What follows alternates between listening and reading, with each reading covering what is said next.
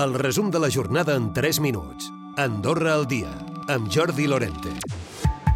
El Circ du Soleil tornarà al juliol. Ho farà amb l'espectacle Festa, que vol commemorar els 10 anys de conveni amb Andorra. Un cop passi l'edició d'enguany, que torna a ubicar-se a l'aparcament de Prada Casadet, es decidirà si es renova el conveni. Enguany es reduirà la inversió i el volum d'espectadors perquè tothom estarà assegut.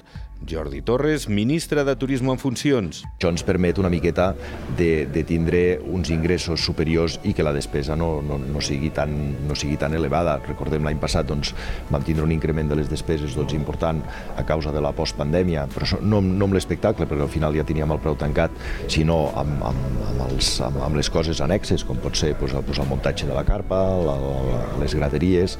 Els usuaris del transport públic suspenen la puntualitat del servei. Així es constata en la segona enquesta de satisfacció de Copalsa. En la primera va tenir una nota mitjana global de 8,2 i ara ha passat a un 6,5. El gerent de la companyia és Gabriel Dallarès. Jo diria que hi pot haver un 5% d'expedicions que poden tenir algun problema de trànsit, eh? bàsicament de trànsit. Després aquí hi ha un possible accident, un, un possible acte doncs, que no s'ha avisat a temps i que bloqueja doncs, la, la circulació ordinària. Pot passar, eh? d'obres n'hi ha hagut. A un moment donat hi va haver doncs, la, les obres al Prat de la Creu. Les discrepàncies en política és el més normal del món, però un cop es fa un congrés i guanya qui guanya, hi ha d'haver una disciplina i una coherència al voltant del nou líder. Acabem d'escoltar l'excap de govern Albert Pintat. Ha destacat que la ideologia liberal al Principat no tindrà futur per separat. Ho deia la rèplica d'Andorra Televisió. Diu que Tercera Via ha comès un error en no presentar-se a les generals i hauria d'estar a les comunals, sobretot per afavorir l'impuls de l'activitat a Sant Julià de Lòria. I d'altra banda, el nombre de salariats superava el mes de febrer les 45.600 persones, baixa en un mes, però representa un increment de gairebé 7 punts percentuals respecte al febrer de l'any passat. Pel que fa al salari mitjà, s'ha situat en 2.365 euros al mes, incrementant-se un 4,6 en un any.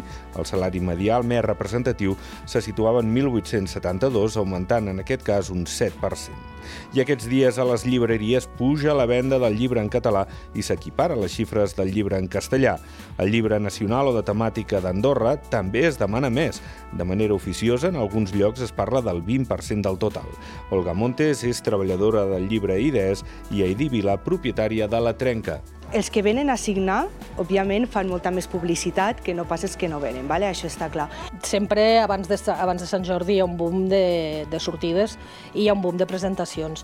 I, evidentment, mm, la memòria és fugissera, o sigui, la gent se'n recorda sempre de l'últim que s'ha presentat i la policia ha detingut diversos homes per delictes relacionats amb el contraband. Tres acumulaven 1.800 paquets de tabac als vehicles, una quantitat que al mercat ascendiria uns 7.000 euros. Van ser arrestats a la frontera del Baladrà, la resta al pas de la casa i Andorra la Vella. En total, sis detinguts. Recupera el resum de la jornada cada dia a AndorraDifusió.d i a les plataformes de podcast.